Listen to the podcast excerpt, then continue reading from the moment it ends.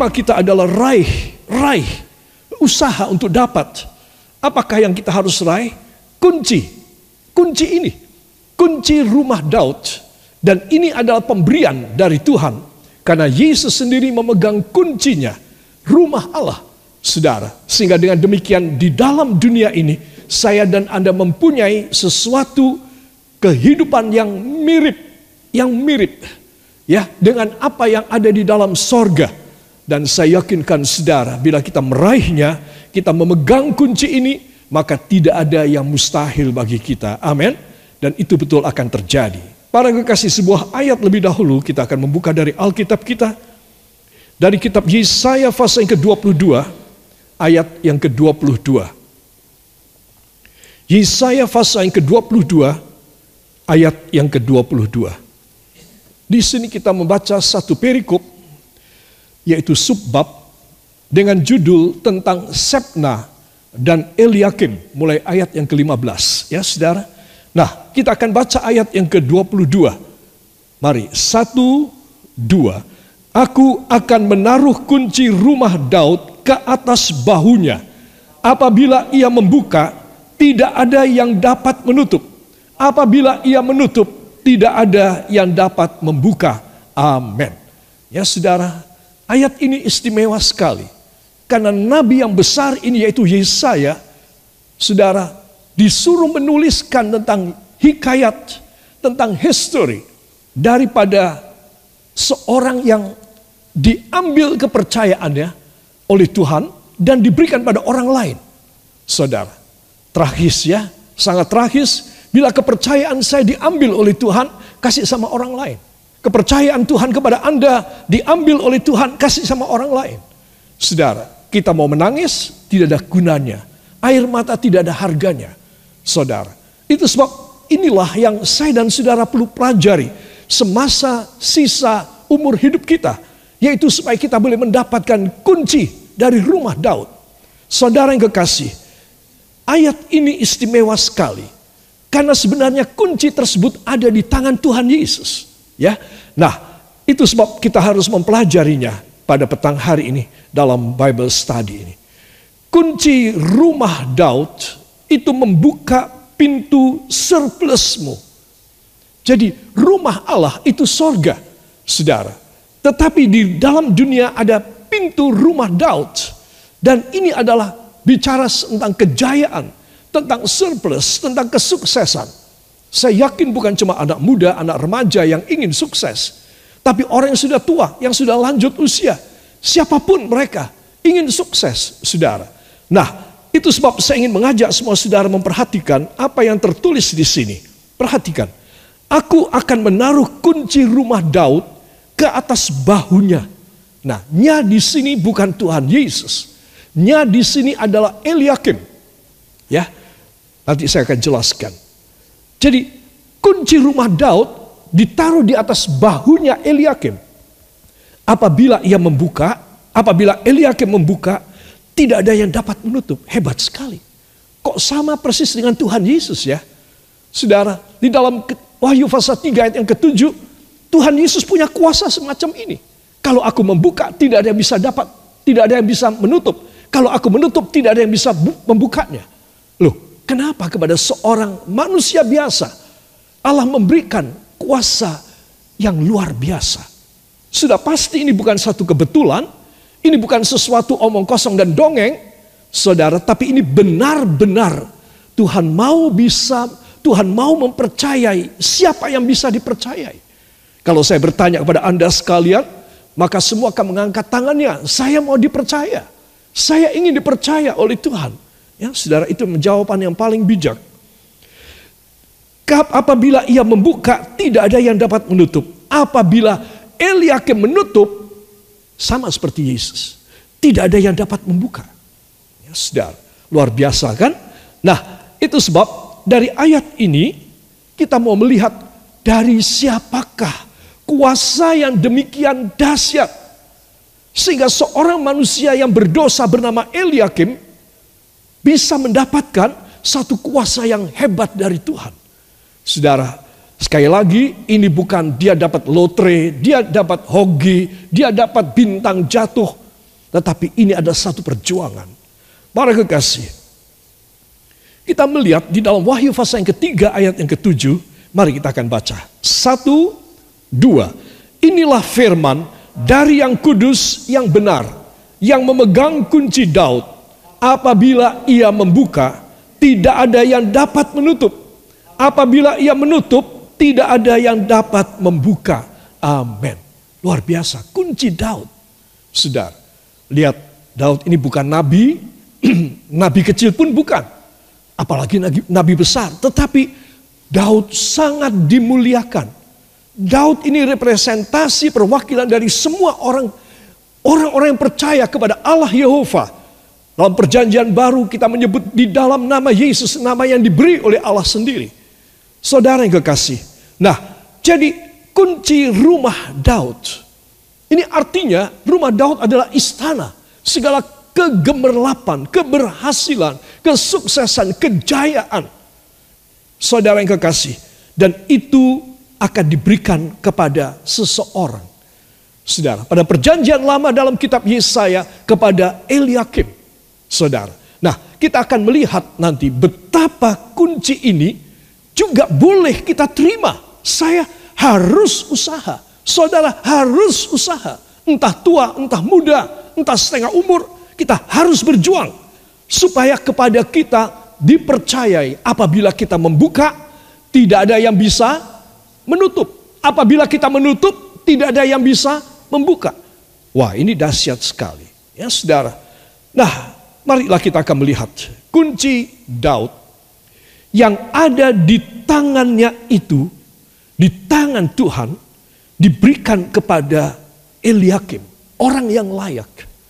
Saudara, dari Sepna yang korupsi diambil diberikan kepada Eliakim. Saudara. Yaitu kepada Eliakim katakan dan kepada saya. Nah, jadi ini sesuatu hal yang istimewa sekali. Tuhan mau memberi bukan hanya pada Eliakim. Eliakim adalah seorang imam. Ayahnya adalah imam besar. Saudara. Itu sebab anda dan saya mengatakan, ah saya tidak terlalu rohani, saya baru menjadi orang Kristen, baru dibaptis dan lain sebagainya. Saudara, itu tidak masalah. Yang menjadi masalah, Tuhan melihat kita berusaha untuk dapat apa tidak. Saudara, seorang anak sekolah minggu yang masih kecil, atau anak remaja, seorang anak youth, kaum muda.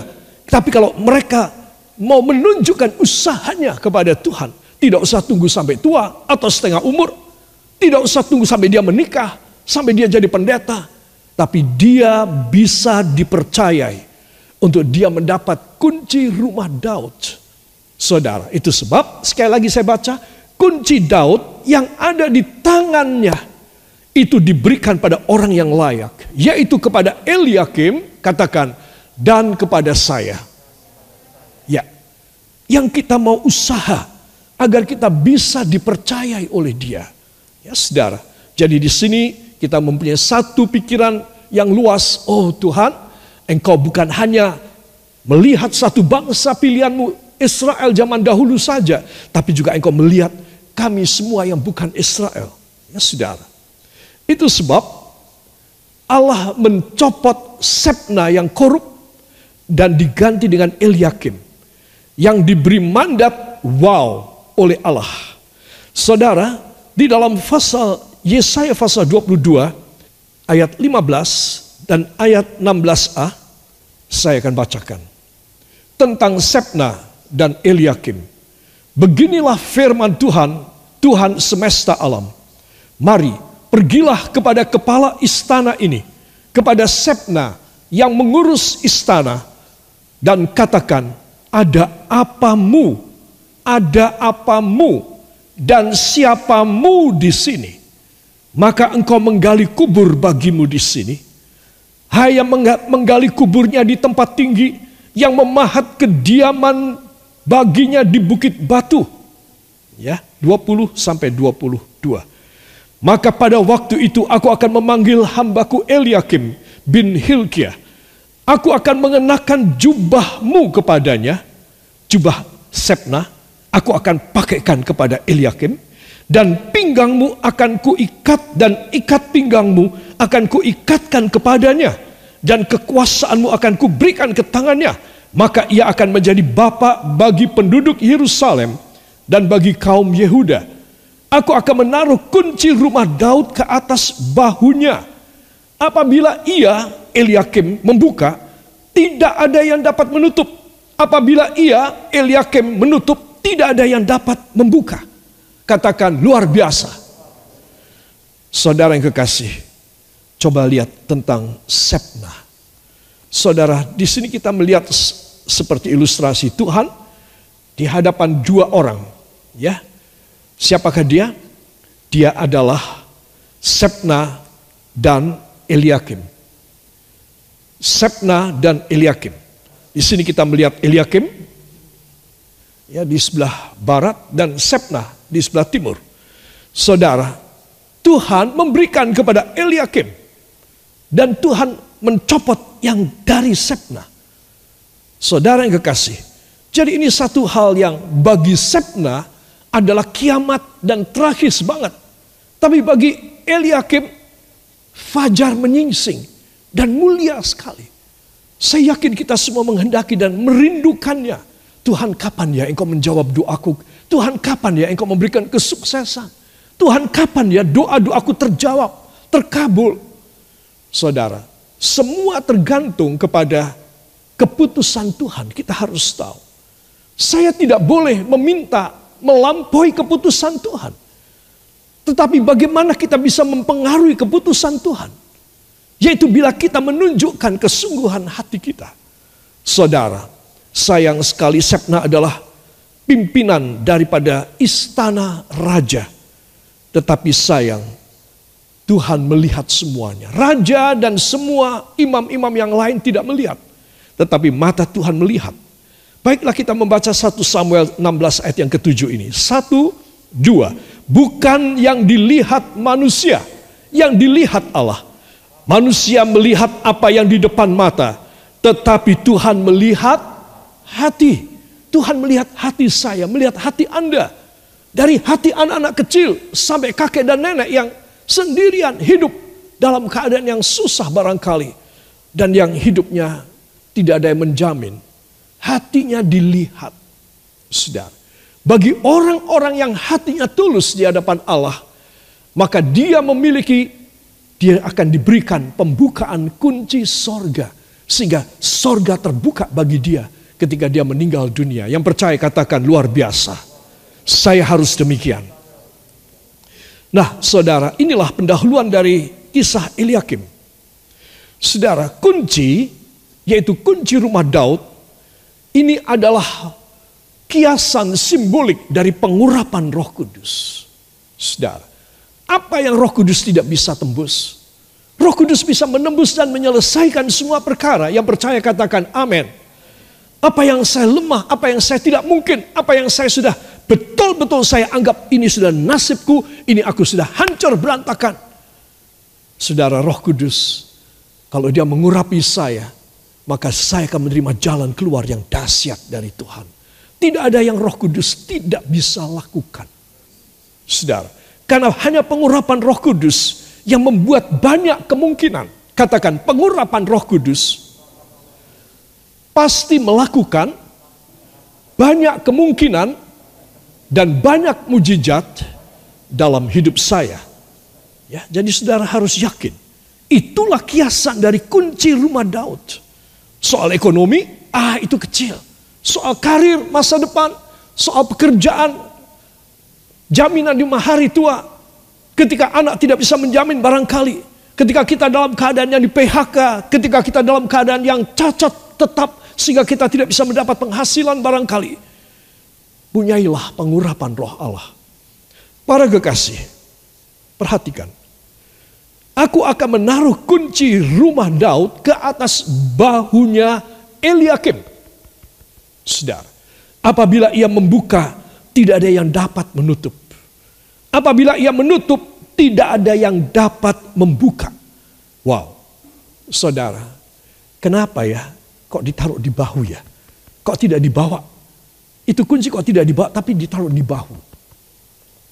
Kelak kemudian hari, saudara, di dalam adat istiadat Yahudi, di dalam pengangkatan rabi, ya, saudara, rabi, dia menjadi rabuni, menjadi great, menjadi master, jadi bukan hanya rabi saja tapi rabuni, yaitu tingkatan yang lebih tinggi, maka dia mempunyai satu prosesi yang sesuai dengan firman ini. Yaitu dia akan diarak menuju ke sebuah kursi yang besar dan tinggi. Kira-kira di atas podium tingginya lebih tinggi dari ini. Dan kursinya juga besar, lebih tinggi lagi. Dan dia masuk dari sana dan dia memanggul kunci yang besar. Karena apa? Karena dia sudah terbukti menjadi rabi yang baik. Sehingga dia diangkat menjadi rabuni. Syaratnya apa? Syaratnya dia harus mempunyai empat rabi yang lain menjadi muridnya. Dan empat rabi ini menghasilkan rabi-rabi yang lain. Maka kalau dia mempunyai empat rabi yang berhasil memuridkan muridnya menjadi rabi juga, maka sang guru ini diangkat menjadi rabuni. Upacaranya adalah dia berjalan di arak oleh rabi-rabi yang lain memanggul kunci yang besar dan dia didudukkan pada kursi yang tinggi ini. Dan ketika dia meninggal, kunci yang pernah di bahunya itu akan ditaruh di dadanya. Saudara. Nah, ini tradisinya.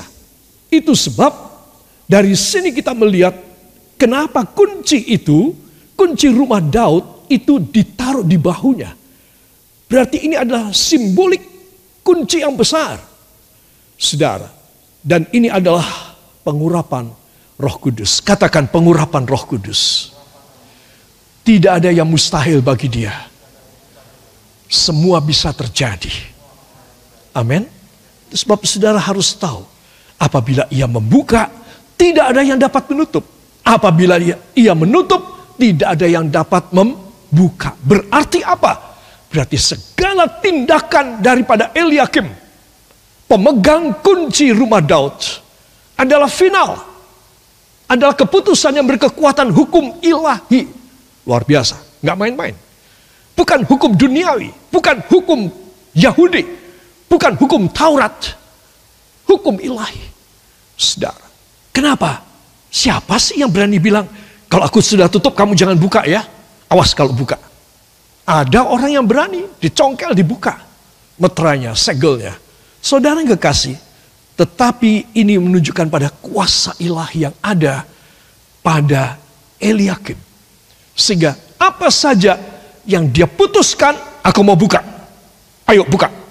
Tidak ada yang bisa menutup. Itu keputusan ilahi. Aku mau tutup.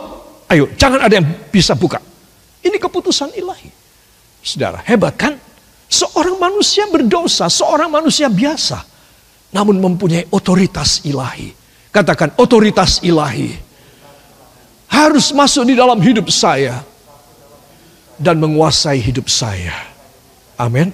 Saudara harus memilikinya. Saya harus memilikinya. Supaya apa? Supaya tidak ada yang mustahil di dalam kehidupan kita ini. Para kekasih, Yesaya 22 ayat 22 hanya kepada Eliakim. Ya.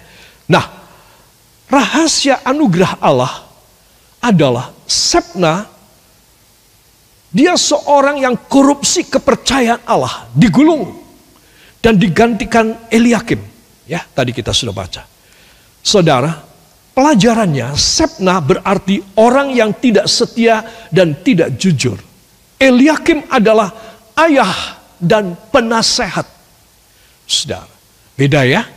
Seorang yang tidak setia, tidak jujur, dan kemudian Eliakim seorang ayah, seorang penasehat. Ya, saudara, dalam Wahyu fase yang ketiga, ayat 8 dan ayat yang ke-10. Tidak usah saya jelaskan karena tadi kita sudah menyinggung sering kali tentang menutup pintu Yesus berkata, kalau aku tutup tidak ada yang bisa buka. Kalau aku buka tidak ada yang bisa tutup. Ya, tidak usah dibaca. Itu isi daripada Wahyu 3 ayat 8 dan ayat yang ke-10. Why Eliakim, anak Hilkia, disebutkan Eliakim bin Hilkiah. Ya, katakan Eliakim anak Hilkiah. Nah, jadi Eliakim tidak berdiri sendiri, saudara. Eliakim anak Hilkiah. Jadi saudara mesti tahu bahwa ada susunan garis keturunan. Saudara, ada sesuatu yang menurun kepada dia. Yaitu dari ayahnya, seorang imam besar. Yaitu Hilkiah. Saudara yang kekasih, di dalam dua Raja-Raja pasal yang ke-22 ayat 4, 7, 8, dan 11. Mohon dibuka pada Alkitab saudara. Kisahnya ada di sini. Saya akan bacakan. Pergilah kepada imam besar Hilkiah. Ini ayahnya ya. Ayahnya siapa? Ayahnya Eliakim. Ya. Jadi Yosia ayat 1, Yosia berumur 80 tahun pada waktu ia menjadi raja. Berapa? 8 tahun. Anak umur 8 tahun menjadi raja Yehuda. Ya itulah Yosia, anak paling muda yang pernah menjadi raja. Nah, setelah dia dewasa, dia meminta kepada kepada Eliakim. Pergilah kepada imam besar Hilkiah. Dia meminta kepada Hilkiah, ya ayah dari Eliakim. Pergilah kepada imam besar Hilkiah. Suruhlah ia menyerahkan seluruh uang yang telah dibawa ke dalam rumah Tuhan yang telah dikumpulkan dari pihak rakyat oleh penjaga-penjaga pintu Tujuh.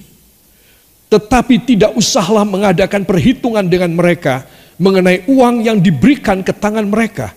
Sebab mereka bekerja dengan jujur. Delapan. Berkatalah imam besar Helkia kepada Safan panitra itu. Telah kutemukan kitab Taurat itu di rumah Tuhan.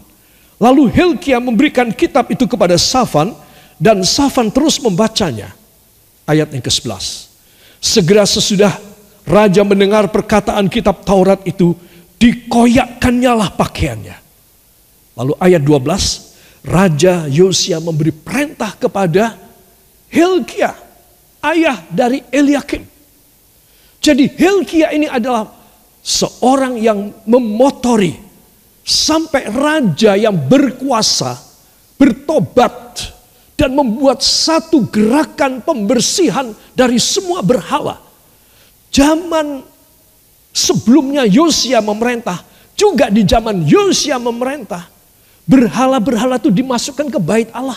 Saudara, coba saudara pikir gimana ini? Raja-raja Yehuda ini kayak apa? Mentalnya, rohaninya sudah hancur. Sehingga rumah Tuhan itu berisi berhala dewa dan dewi. Ada korban-korban apa di dalam rumah Tuhan? Coba saudara bisa bayangkan. Menurut saya kok tidak langsung dihukum mati ya. Itu hanya karena mujizat anugerah Tuhan saja. Masih dikasih kesempatan. Baru kemudian ketika Hilkiah menjadi imam besar, dia membersihkan rumah Allah. Di antaranya dia menemukan sebuah kamar yang berisi uang begitu banyak penuh. Sehingga ketika pintunya dibuka uang itu ambil keluar itu korban rakyat untuk merehabilitasi, untuk merenovasi rumah Allah. Tetapi tidak dikerjakan. Sampai uang itu menumpuk di dalam satu ruangan. Lalu di ruangan yang lain dia melihat berhala-berhala, arca-arca, patung-patung semua. Semuanya dia bersihkan. Hilkia imam besar membersihkan semua. Di antaranya dia menemukan kitab Taurat.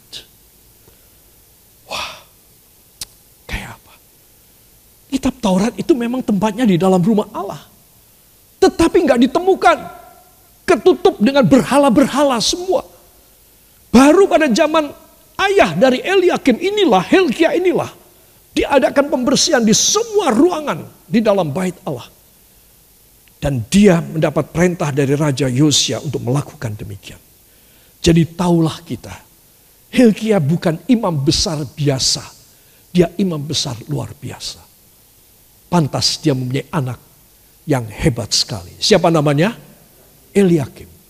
Itu soal para kekasih. Saya perlu menuliskan hal ini. Ya, Helgia memimpin reformasi penghancuran berhala-berhala yang ada di dalam seluruh Yehuda. dan juga di dalam rumah Allah. Ya, ini hebat sekali. Ini saudara satu penyelewengan yang dahsyat sekali terjadi.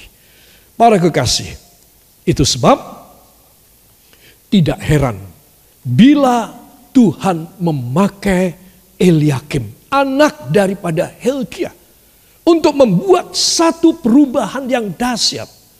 Saudara mungkin kita punya pikiran, ah aku bukan seorang imam, aku juga bukan keturunan imam, aku bukan seorang yang mengerti Alkitab sampai ngelotok ayat-ayat semua aku hafal. Tidak.